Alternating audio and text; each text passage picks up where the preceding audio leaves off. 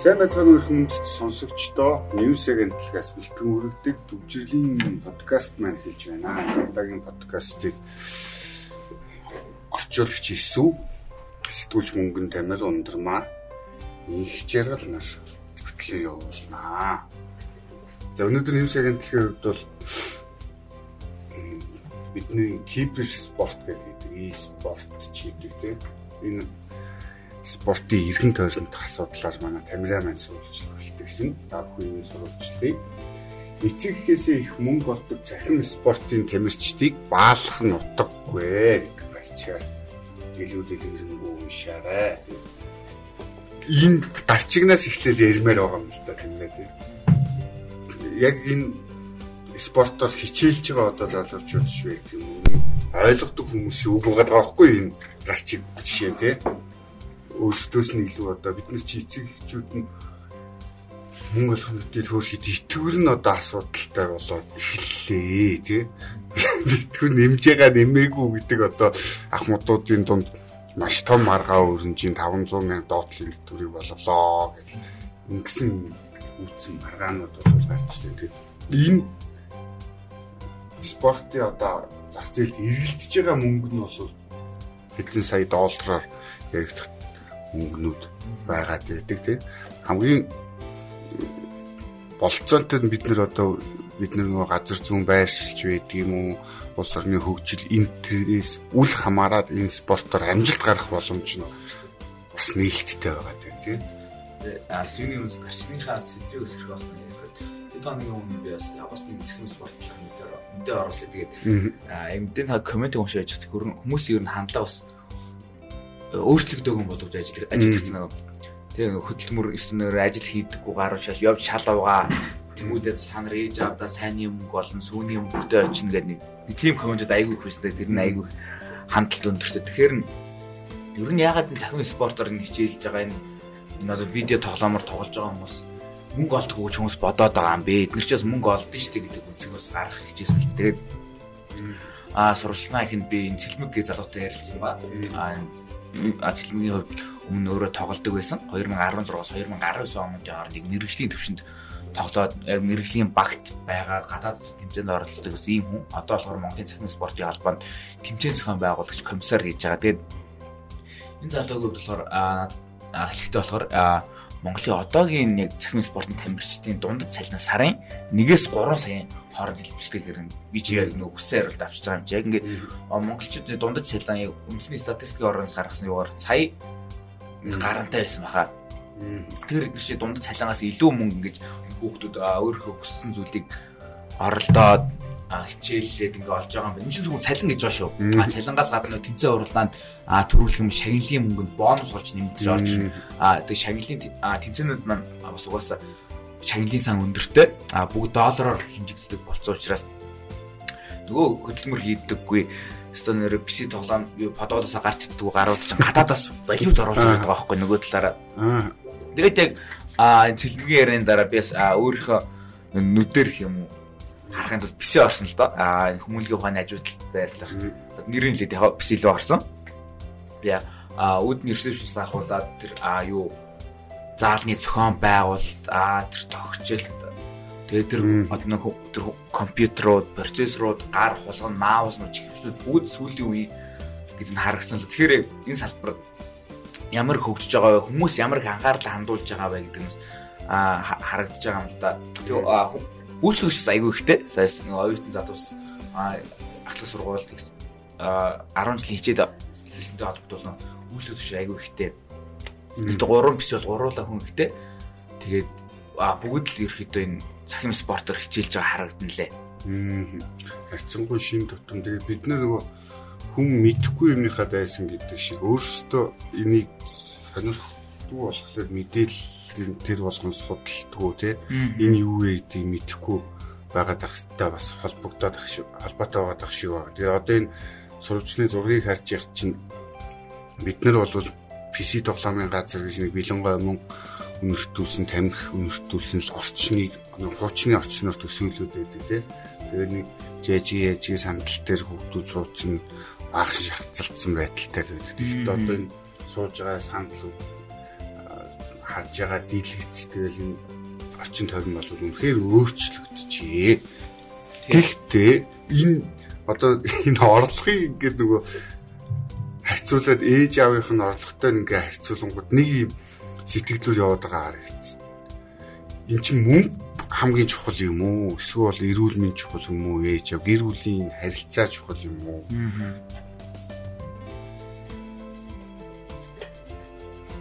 Тэгэхээр одоо энэ гítэл чи одоо энэ хүмүүс чи орлого олдгүй биш олдог олохдоо бүр хамаагүй илүү олж ийн тий тэр мөнгө гол онцлчлоо гэд дургуутсаад байгаа хүмүүс болохоор энэ мөнгнөөс гадна чинь гэр бүлийн бас харилцаанд үнц нь байх хэвээр энэ нөгөө дотны харилцааг байхгүй болгож байна. Бүгд л нэг дийлэгцний ард ингэж уяатай болж байна. Эрүүл мэндээр хохирч байна гэдэг өнцгөөс л хандаад багш шүү дээ. Нөгөө талаар энэ бас салбарч айгүйх мөнгө эргэлдэж байгаа. Та түрүү хэлсэн хэдэн сая хэдэн зуун сая доллараар эргэлдэж байгаа гэдэг. Монгол яг ялгаагүй. Монголд энэ сахин спортыг дэмжиж байгаа алтан байгууллагууд одоо өдрөөс өдөрт улам нэмэгдэж байна. Том Монголын томоохон компаниуд бас нийгмийн ярилцлага хүрээнд манлайлан оролцож байна. Залуучууд маань бас авиастай гэдгээс харуулж байна. Ерөнхийдөө ярьсан дээр хэлсэн л дээ. Нэгээс 3 саяын цалин авдгаа гэж дунджаар. А тэрэн дээр мэдээж тэмцээний шагналын мөнгө нэмэгдэн. А тэгээд бүр мэрэгжлийн бод гадаадын багт тоглоно. Яг Монголдо монголчуудтай нэг болно гэхээс илүү том том багууд очин за миний мэдж байгаагаар Ercas гэдэг байгаа. Ercas дээр CS:GO тоглодог. Сүүлд Valorant руу ороод Америкт нэлийн том а багийн академи академид нь суралцж байгаа. Академийн багаас тоглож байгаа. Тэгээд а сүүлдээс а а миний санджаар тэр кабали ярилцлага байсан. Кабали ярилцлаган дээр болохоор кабал гэдэг одоо Батинх гэдэг манай CS:GO-ийн тамирчин байгаа. Жил 100 сая төгрөгийн орлоготой зөвхөн яг цалингаасаа аа тэгээд аа нэмээд юунасаа урамшууллаасаа ийм төрөл цалин авч тэгээд ерөөдөө мань хүн хэлжтэй хэлдэг ерөөдөө аа энэ цахим спорт тамирчид санхүүгийн сахилгад айгүй чухал байдаг.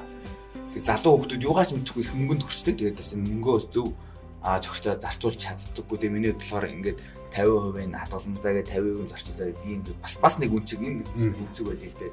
Монгол сүүлийн үед залуучдаас айгүй их спорт руу орж айгүй ашиг болж байгаа. Тэгээд бас буруу зүйл рүү бас орчих гэсэн мэс аа сэрэмжлүүд хэлчихлээ л дээ.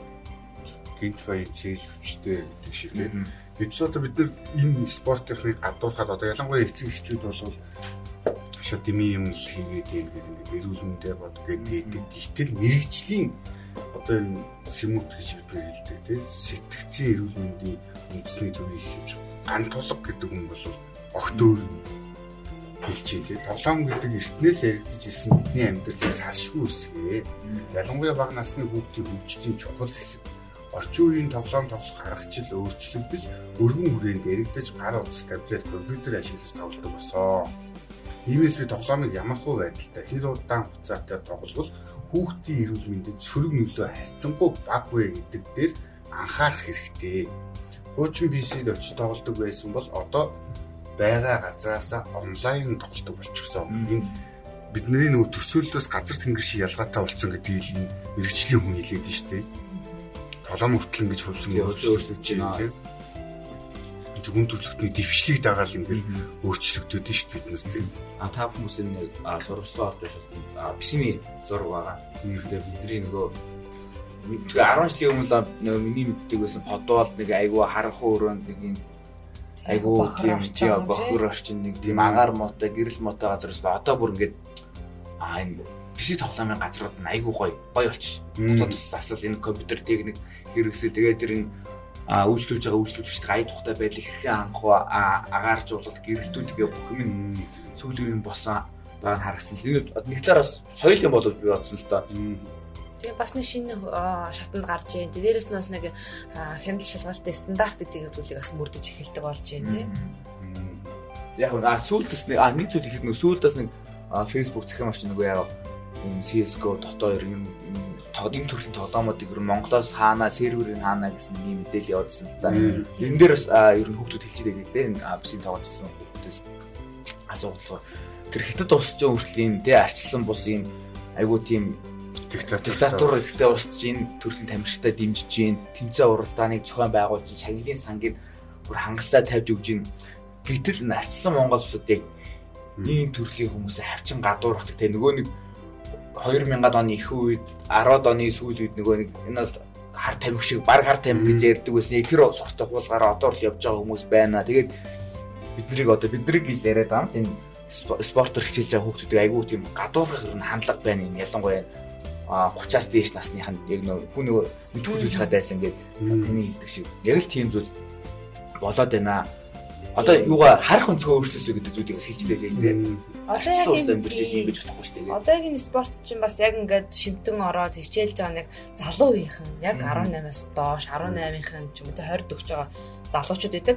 Аа бид нараас одоо дээш 40 гарцсан ч юм уу те 40 төгцөн зарим одоо нөгөө бидний хэлээр хуучны хүмүүс гэж ярьж байгаа хүмүүс маань арай нэг өөр сэтгэлгээтэй хандаад нөгөө хуучныхаар нь бодоод харахгүй бүдүүлгээр нь санаад яг одоо орчинд нь очиж үзээгүй ч юм уу те яг энэ тоглоомын талаар мэдээлэл хангалттай бус байснаас болоод бас ингээд сөрөг хандлагууд бас байгаа шүү те нар илүү давуу эрэхтэй нарнаас дотор авъя гэдэг шиг юм болох гэдэг шүү дээ.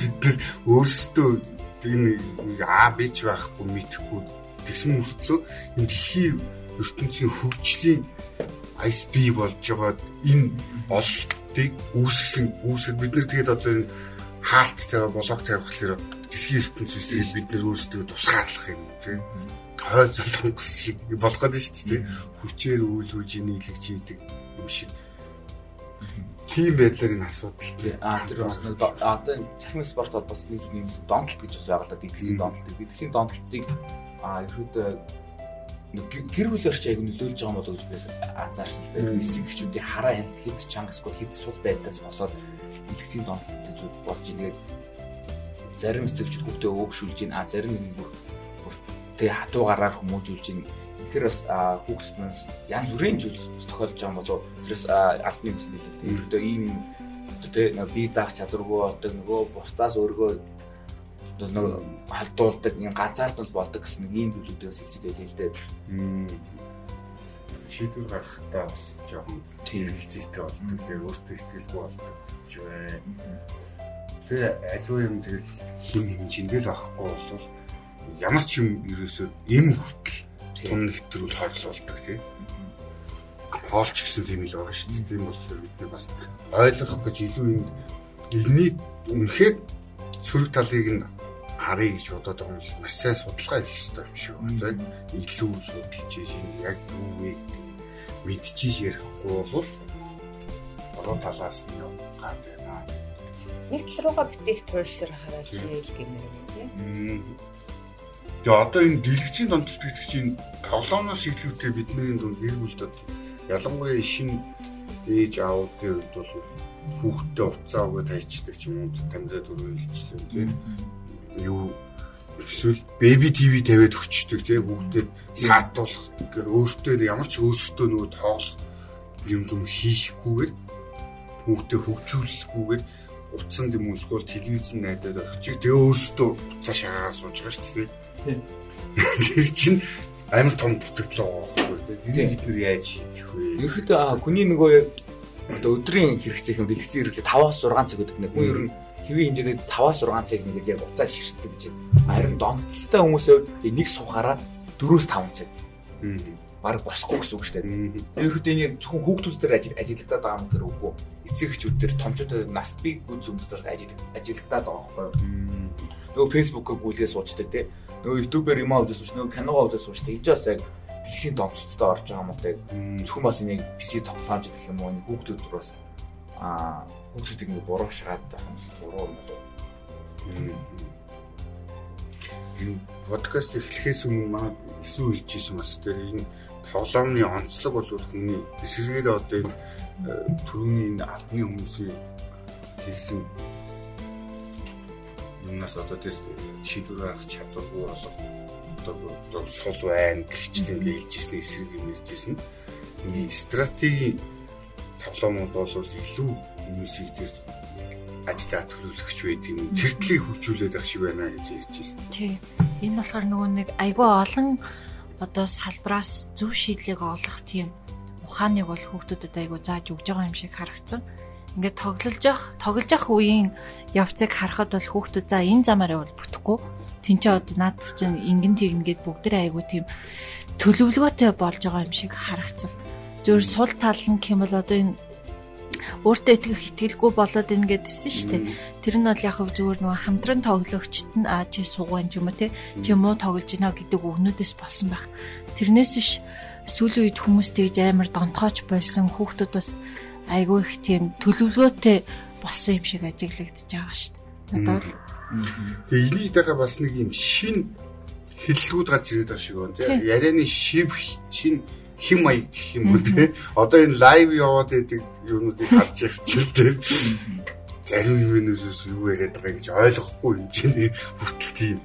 Өөртөө бол маш сайн ойлгох гэдэг байхгүй нөгөөдгөө те. Тийм тоглоомны хил гэж бүр цаана шал ондоо тэгээд нөгөө нэг зарим нэг нэр том юмнууд хизээч бидний бол сонсож байгаагүй нэр том юмнууд байгаа байхгүй хагаад ч олоход ч хэцүү тий. Тоглоом явуулдаг хүмүүс л мэд. Дээрээс нь бас нөгөө нэг манай монголчууд ч альва гадаад үеийг нэг монголчилдаг загвартай шүү дээ. Тиймэрхүү үг хэллэг бас аягүй их. Одоо жишээ нь би дотоогоос ингээд паж гэд дүр байгаа байхгүй юу? Тэрийг манай монголчууд пүдгээч гэж уншиж байгаа шиг тий. Бас аягүй хөвгөлтэй хөвгөлтэй. Гоё юм болчих шиг байна.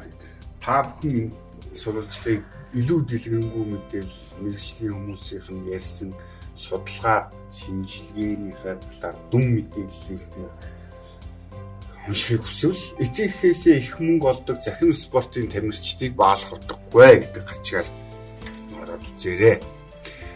За өнөөдөр улсын хурлын чуулганаар нөгөө хөсөр хаягдаад байсан хүний эрхийн комиссийн гишүүдийг томдох тухай хоёр гишүүн нэр дэвшээд ингээ хилцэж чинь асуудал энэ үеэр бол нэг сонин мэдээлэл хийсэн хүний эрхийн эрүүдийн шүүлтгээр хүний эрхийн энэ дээр бид нэг шат ахисан гэдэг том мэдээллийг хийж байгаа харагдсан. Тэгээд энэ асуудал маргааш гэсэн үйлчлэл явах учраас тэр тухайн үед нь бид нэр илүү дэлгэрэнгүй мэдээлэл хүргэхийг зорих болно.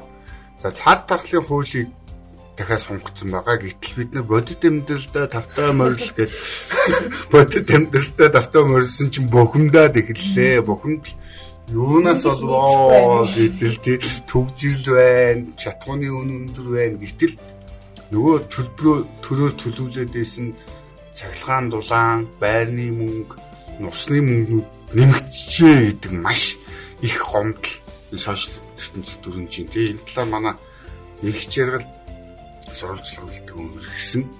Тэгээ ардны хүмүүс ер нь энийг юу гэж тайлбарлаж байна. Тэгээ усны мөнгөн дээр бол нэмэгдсэн тухайгаа бол аль биесаар мэдэгдсэн байгаа. Яг энэ 19 20 онд нэмэх юм төлөвлөгөө хийгээд ковидоос болоод тэр энэ засгийн газраас болоод хойшлогдож явсаар хагаад одоо 2022 оны 1-р сараас эхлээд нэмэгдэж альбаас орон нэмэгдэж байгаагаа бол хэлсэн байгаа. Цахилгаан дулааны тариф дээр бол ямар ч үнийн өөрчлөлт гараагүй хуучин үнээрээ иргэдэд хүрч байгаа гэдгийг хэлсэн. А хүмүүс нөгөө нэг дулааны мөнгө, цахилгааны мөнгө их өндөр гараад байна гэж байгаа нь сая ковидоос болоод засгийн газраас иргэдийг нөгөө байр ус тогны мөнгөс шөлөөлсөн шүү дээ. Тэгээ тэрний дараагаар төлж ирсэн иргэдэд жоохон санхүүгийн нөгөө хүндрэлтэй зарим иргэд нь бас өндөр төлж байгаа юм шиг мэдрэмж өгөөд ах шиг. Яг бол хуучин чинь нэг сардаа нэг 5 10 мянга те зөрүүний багахан мөнгө төлдөг гэсэн бол одоо яг бүтнээр нь бас нэг төлж эхлэхээр өндөр санагдаад байгаа юм шиг байна гэсэн юм бас нэгтгэхийн байр суурийг хэлж илээ. А нөгөө талаараа болохоор үнэнд бол өөрчлөлт ороогүй зөвхөн хэрэглээ одоо иргэнээс тэр тухайн иргэнээс шууд шалтгаална. Ялангуяа энэ өвлийн сар 1 2 дугаар саруудад бол дулаан цахилгааны төлбөр бол хамгийн оргил үедээ хүрдэг гэдгийг бол хэлж илээ. Аа мөн усны мөнгө бол нэмэгдсэн талаар хэлсэн. Байр орон сууцнд амьдардаг иргэдийн хувьд бол цэвэр ус бохор усны мөнгө төлдөг шүү дээ. Тэгээд цэвэр ус 36 мөнгөөр аа бохор ус болохоор 29 мөнгөөр нэмэгдсэн байлээ. Аа гэр оролт болохоор нөө тээвэрлэг зүүрийн цэвэр ус байгаа шүү дээ. Одоо зөөрлөө тэнд нь байршуулаад тэндээс иргэд авдаг. Тэр өмнө одоо нэг төгрөг байж одоо хоёр төгрөг болсон. Ингээ нэг төгрөгөөр нэмэгдсэн байгаа. Тэгээд ингээд хамгийн хэрэгцээтэй зүйл бол одоо бидний амьдралд ус тоог цахилгаан байгаа шүү дээ. Тэгэхэд ийм баг өмнөр те яг ингээд борлуулж хахад хүмүүс ингээ бухимдалтай хандж байгаа нь бас нэг тийм жоохон өрөөсгөл юм шиг. Үнэхээр бидний хэрэгцээ шаардлага байгаа юу байгаа. Тэр байхгүй бол бас амьдрал өргөжлөхөд хэцүү шүү дээ. Тоог цахилгаан бол хоолундаа идэхгүй усгүй бол бид нар арангат нь наацхан хэрэгцээгээ биений бие бязлагийн хэрэгцээнд хүртэл хэрэгтэй гэдгийг мэдж байгаа тийм ха заавал усны мөнгө нэмэгдсэн дэр нэг бухимдах хэрэг байхгүй гол нь нөгөө нэг э, цар тахлаас болоод тэр үү энэ засгийн газрын үйл ажиллагаанаас болоод тэр үү эдийн засгийн яг хямралд орцсон энэ үед нөгөө нэмэгдсэн учраас бухимдаад ах шиг байгаа маа. Уг энэ э, төлөөс даажийнхаа оронд тэр энэ цахилгаан манайх чинь байнгын асуудалтай тэр энэ үйл гал алдаж мангадгүй гэдгийг салбарын болгон дандаа хэлж идэг сануулж идэг. Улаанбаатар хөлдөх аюултай юм шиг тий. Тэгэл гаднаас юм ботлол байдаг. Гэтэл тэр мөнгийг үгийн цахилгаан дулаан түгээх сүлжээндээ ашигласан болвол усныхаа энэ асуудлыг шийдэхэд ашигласан болвол илүү үр дүнтэй байсан юм болов гэж. Бодоод бас гэтэл бид нэр одоо энэ зарцуулж байгаа мөнгө чи одоо жишээ миний гар утасны зөвхөн миний барьж байгаа сарын төлбөр гэхэд 42-оос 50 хэдэн мянган төгрөгийг хооронд гараад байгаа. Гэтэл манай гэр бүлийн одоо байрны дулаан ус тий?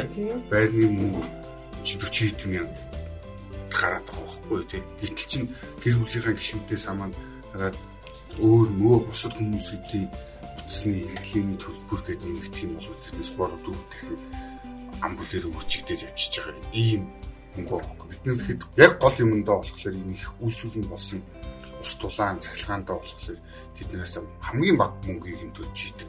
Ийм тийм Тэгээ нэг хүн худалдаа авалтыг нэг торт авахтаа 30 мянгаар торт авахтаа юуж боддгоо мөртлөө 30 мянгаар ном авах болохоор ямар үнэтэй гэдэг шиг л яг тийм харьцуултын юм яваад байгаа байхгүй юу. Тэгээд бас хогны мөнгө бол угаасаа айл өрхөд угаасаа өгдөг сарда жилдээ 2000 төгрөг алтан байгууллага банк тий үйлчлэгээний байгууллагууд бол 20 мянга өгдөг. Аа тэгээ бас нэг зүйлийг хэлэхэд дулгааны төлбөр бол зундаа бол хаачдаг шүү дээ. Тэгээ өвлийн хүүхдийн улирал эхлэхэд дулаан өгч эхэлдэг. Дулааны хаалбууд иргэд төлдөг. А дунджаар одоо манай Улаанбаатар хотод ингээ амьдарч байгаа айл хүүхдийн дийлийнх нь нөгөө ипотекийн гэдэг утгаараа тэгдэм юм нэг ер нь 80 хүрэхгүй километр квадрат талбайтай байранд амьдарч шүү 40-с 80 м квадрат. Тэрний ер нь дундаж хэмжээ сарын төлөлт нь бол нэг 10-аас 12 мянга тий. Одоо дээд нэг 15 мянга гардаг гэж байгаа байхгүй. Тэгээд таны бүтэн одоо хүүтэн бах бүх ингээд зүйлийг чинь бүтэн үйлрэлийн турш ингээд дааж байгаа юм нэг сарын төлбөр ингээд 10 хэдэн мянган төлөхөд бол нэг тийм хүнд бол санагдахгүй байгаа. Тэгээ нэгийг бодож ханий тунгаагаарэ гэж тийм иргэдтэй тайвшруулъя да одоо бид нар. Нь нөгөө манай Монголын эдийн засаг жоохон уналттай, хүмүүсийн эдийн засаг жоохон доошлсон юмны өн өсч өгсөн байгаа энүүд нөгөө дахиад нэг жоохон юм нэмэгдэнгүүт л хүмүүс стресстэй л бухимдаал тэрэнд нь уур уцаарлал албаных руу бас янз бүрээр хилээл те. Яг ингээд албаны мэдээ бас баримттай мэдээ харыг бол манай фэйсбુક пэйж үзээр бас албаны үн яриа бас байгаа. Тэгээ яг ийм бухимдал дээр өшөө бухимдуулах гадаага юмыг нь одоо жишээ нь энэ мэдээлэл хөгжлийн банкны асуудал хөндрөл авилгатай тэмцэх газрын шүүхт өгнө гэдэг энэ төрөөс өөрсдөө энэ улсын хурлын гишүүд нь нэр хүндтэй өндөр албан тушаал хашиж байгаа хүмүүс нь их мэдлээ ашиглаад нөгөө компани бизнес хийхэд олддгүй зээлийг маш бага хүнтэй зээлийг авцсан тий ийм юм чи нөгөө эрс тэнгэр газар шиг ялгаатай байна гэдэг ингээд бухимдуулах нэг сэдв болчиход байна. Гэтэл энэний сайн хажуугаар саа гэж авилгатай тэмцэх газар зарим компаниудыг бүр нэр зааж байгаа энэ орон сууцыг бити хөдөлтөж аваарай тий. Болохгүй шүү тэгвэл тохирч магадгүй шүү гэдэг ингэсэн нөгөө бизнесийн зүгээр нам голдрлоороо явж исэн юмыг иргэдүүд сэрэмжлүүлж ингээд нөгөө бизнесийг дампуурлуу шууд бүтлэгчж байгаа байхгүй тий. Хуулийн нэлтийн байгууллагын чинь шүүх дээр очиагүй зээл нь тэгээд төлөхгүй гэсэн юм байхгүй ингээд энэ компани захил одоо жишээ нь юм дээр өнөөдөр ярилцлага өгсөн байгаа байхгүй тэр нөгөө дуудаад исэн альтик вилад төслийг хэрэгжүүлэгч AB Trade Group-ийн захирал Уган Баяр ирсэн байгаа. Бид нар эндээс бол одоо авилгатай тэмцэх газрын мэдээлэлээс болоод бид нар хохирол хүлээх үрчээд байна. Бид нар зээлээ төлж чадахгүй хэмжээнд хүрч болцшгүй байгаад байна. Тийм болохоор жоохон хууль хяналтын байгууллагууд ч гэсэн бодлоготой мэдээлэлээ зарчиж явахгүй бол тийм энэ одоо сонирн байгаа хгүй юу? А энэ байгууллага ингээд зээлээ төлөх ёстой гэд мэдгдсэн мөртлөө зээлээ төлөх ганц боломжны энэ барилга байшингаа зараад гэс хүмүүстэй хүлээлж аваад мөнгөө эргүүлэн татаад эргээд зээлээ төлөх ёстой байтал чинь хүмүүс нь оруулахгүй энэ байр ингээд хязгаарлалсан хаасан боосон гэд бүр мэдээлэл гаргаад тэр хүмүүс нь орох ч юм уу орохгүй ч юм уу болоод байр нь зарагдах ч үгүй ч болчоор энэ хүмүүс хаанаас санхүүжилтээ босгож яаж өрөө дарах юм бэ? Яаж эргээд тэр нөгөө хөгжлийн банкны зээлээ төлж эхлэх юм бэ гэдэг асуудал бас яригдчихэж байгаа байхгүй юу. Бас нэг юм шийд гаргаж байгаа мэдгдэл нь хүртлийн хүмүүстэй жоохон юм уялдаа холбоотой байна шүү дээ тий. Зээлээ төл төлөгчөө зээлээ төлөх боломжийг хаачгаад тэр хүмүүстэй яах хэвтэй юм. Тэгээд энэ асуудал хөгжлийн банктай холбоотой асуудлаар Монгол Ардын намын хяналтын хороо уралдаж энэ ёс зүйн асуудал хэлцнэ. Тэгээ энэ бүхий хүмүүсүүдийг хөөнөө гэдэг шимжлээсээ хаснаа гэдэг нэг юм мэдээсэн байна. Тийм хөгжлийн банктай холбоотой энэ зээл мөнгөтэй холбоотой асуудал бол сүүлийн 1 сар бол битүү цахим орчим нийгэмд бол иргэдийг бол бас талцуулж байгаа бас бохиндуулж байгаа. Тэр их мөнгө иргэн төлөлтөө төлдгөө одоо чанаргүй зээлдэгч нар мөн би бинийгээ харлуулж байгаа улс төрч тэгэл өстой нэг шаргаалны үлгэр шиг л бүр амир ингээ зүгээр ярихад хүртэл стресстэй болж байна. Энэ стиг орхий гэдэг. Санагч бол ороод уншаарай гэдэг. Тийм. Та бүхэн ньюсмен сайтаас илүү дэлгэрэнгүй үйл явдал их өөрөж жахаг уншаарай. За гадаад ертөнцид анхаарал татж байгаа асуудал бол солонгосын ерөнхийлөгчийн сонгуулийн тухай хэн болох вэ гэдэг энэ сонгуул хийн тухай мэдээлэл байна. Манай гадаад тоймч эсвэл хөх ордны шинэ эзний төлөв ширүүн өсөлтөө гэдэг өнөөдрийн таймаар энэ талаар илүү дэлгэрэнгүй хүндсөө тэгээд эсвэл ярихаас өмнө би энд яг энэ таймыг уншиж яг манай ингээд нөгөө улс төрийн үйл явдал шиг юм харагдаад байгаа байхгүй тийм. Ардын нам арчилсан нам гэдэг шиг тийм. юу лээ арчилсан.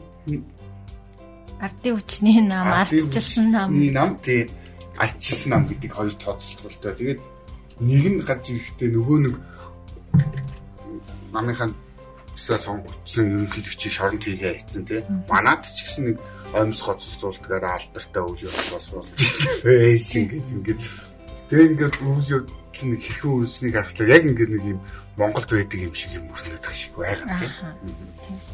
За ерөнхийдөө бол энэ удаагийн өмнөд солонгосын ерөнхийлөгчийн сонгуульд нийт 11 хүн өрсөлдөж байгаа. А тэр дундаас бол яг хамгийн их боломжтой гэсэн хоёр хүнийг өмнөд солонгосын одоо тоймчид болон тэ мэдээний агентлагууд зарласан байна. Энэ болохоор ардын хүчний нам бол ардчилсан намын хоёр гишүүн. Одоогийн ерөнхийлөгч мөн ч нь бол өөрөө бол ардчилсан намын гишүүн шүү дээ тий. Тэнгүүд түүний засаг захиргааны хувьд бол анхандаа мөн чинь өөрөө нөгөө нэг ажилгүйдлийг таслан зогсооноо. Тэнгүүдөө хойд солонгостой эв нэгдлийн гэрээ байгуулнаа гэсэн томоохон амлалтуудыг өгсөн боловч мөний үед бол ажилгүйдэл өмнөд солонгост хамгийн дээд түвштэй өрсөн. Бүр 4.5%. Түүнтэй бараг 338 мянган тий залуу төгсөгчд ямар ч ажлын байргүй болсон. А тэнгүүтээ мөн чинь хойд солонгосын цөмийн зэвсгийн асуудлаар ямар нэгэнтэй гэрээ хилцээ байгуулж чадаагүй. Дээрс нь өөрөө бас нүуний гадаад харилцаагаа хамаагүй авч явдаг юм билээ л да бусад сайд нарыгаа бодвол гадаад харилцааны тал дээр бол жоохон тийм бүтэхгүй асуудлуудаар шийдвэр гаргасан тул улсынхны хүмүүс ерөнхийдөө бол нэг дургу болчихсон байгаа юм бэ л жилээс жил.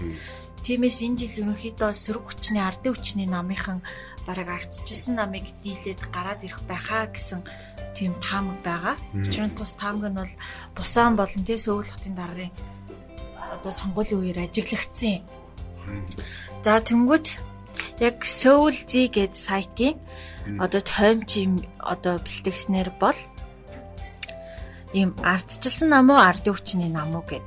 Ардчилсан намнаас болохоор энэ Ли Жемён гэдэг хүн байгаа. Ли Жэмyon болохоор яг одоо сөрөг хүчний нэр дэвшигч Юн Сокёлыгоо л айгүй их тийм доош нь дарж буруу шасаар ирсэн хүн байдаг. Тэр маань 2017 онд ерөнхийдөө бол мөн жээнтэй зүг өрсөлдөж исэн юм байлээ. Тий. Тэгээд ли 2018-аас 2021 онд бол Кёнгийн мужи 35 дахь засаг дараагаар ажиллаж исэн.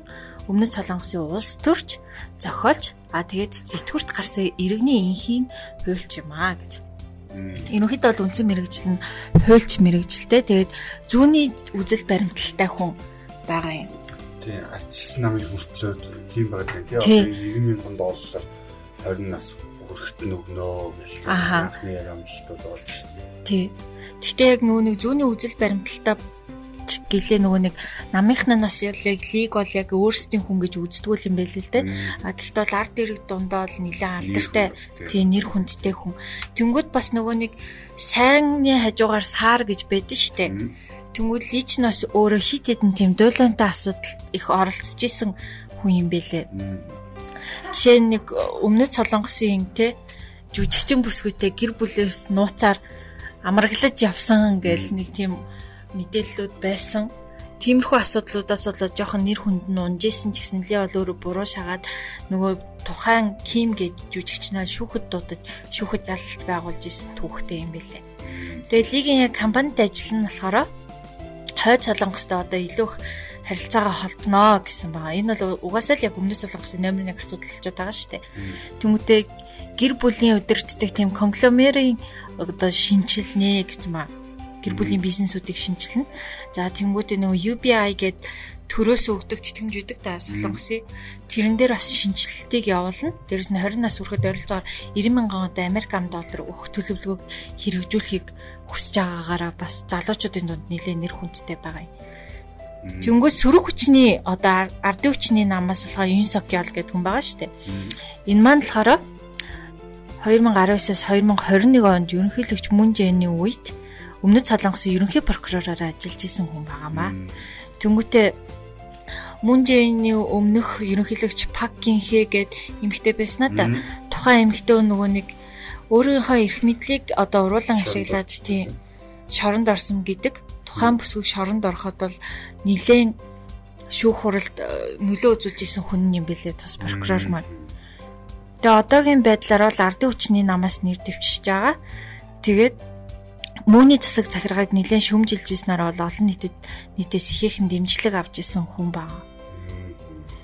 За бас тэ тэрбэр Samsung Electronics-ийн дэд дарга Ли Жэйон тэ өмнөд Солонгосын ерөнхийлөгч Сасан Пак Кинхэ зэрэг корпорац удирдлагуудын авилгалын эсрэг үйл ажиллагаатай айгүйх тэмцдэгээр бол нэр хүндтэй болсон болохоор энэ удаагийн сонгуульд бас тэ нөгөө хүнээ даваад бусад одоо өрсөлдөгч нарыгаа даваад гараад ирэх бүрэн боломжтой гэж үздсэн байдаг. Тий. Тэгтээ бол тус хоёр хүн маань нэг нэг нэгээ дандаа авилгалчид те хар бараа нар нэг нэгээ дандаа зүгч идэг. Ерөнхийд бол яг Монголын улс төрчдөөс харагдах үзэл баримтлалыг айгүй гаргаад идэг байхгүй. Хэрэгжүүлээ манайхтай л адилхан бас ярьдаг л юм байна. Тэгээд нэг өөр юм байгаа эднэртэр те. Одоо эдний яриад байгаа авилга одоо тэр эмхтэй нөгөө авилгалын хэрэгээр шоронд ордог хүн бол ерөөсөө найзынхаа хүүхдээ төлбөрийг төлүүлсэн гэдэг л нэг юм юм амар хүчтэй ихтэл явсан шүү дээ. Гэтэл манай авилгалын үг гэдэг бол манай авилгалчдын мөнгөний хажууд бол тэр бол зүгээр нэг өстө хүүхдийн удааны мөнгө л байгаа. Тийм шүү дээ. Тэгээд тэд нар ингээд нөгөө маш хариуцлага хичээл жагсаар бол тэгээ шорондоо ингэ давтдаг. Тэгээ ерөнхийлөгч нартай бол илүү халтааг юмэр улстай солонгос. Тий. Бодуулаад өчтдөг ч үед юм уу. Тэгээл ингээ шоронд хийчдэг амиа орчдөг эсвэл тий. Тэр эмхтэй ерөнхийлөгч өмнөх чинь хэмбэлээ Монголд ажиллаж исэн юм чинь бас амиа орлол өнгөрсөн шүү дээ. Гээд тэгэхээр бас их яг хариуцлагыг бол маш сайн нэхэд их шиг байгаа солонгос биднээс ялгаатай тий. За ийм байл тэгээд энд хүрээд манай төвжирлийн подкаст маань өндөрлөж байл. Үйл явдал хэрхэн үнэхийг маргаашийн подкастаараа та бүхэнтэйгээ илүү дэлгэрэнгүй мэдээлэлтэй иргэн уулзцаая. Баярлалаа. Баярлалаа.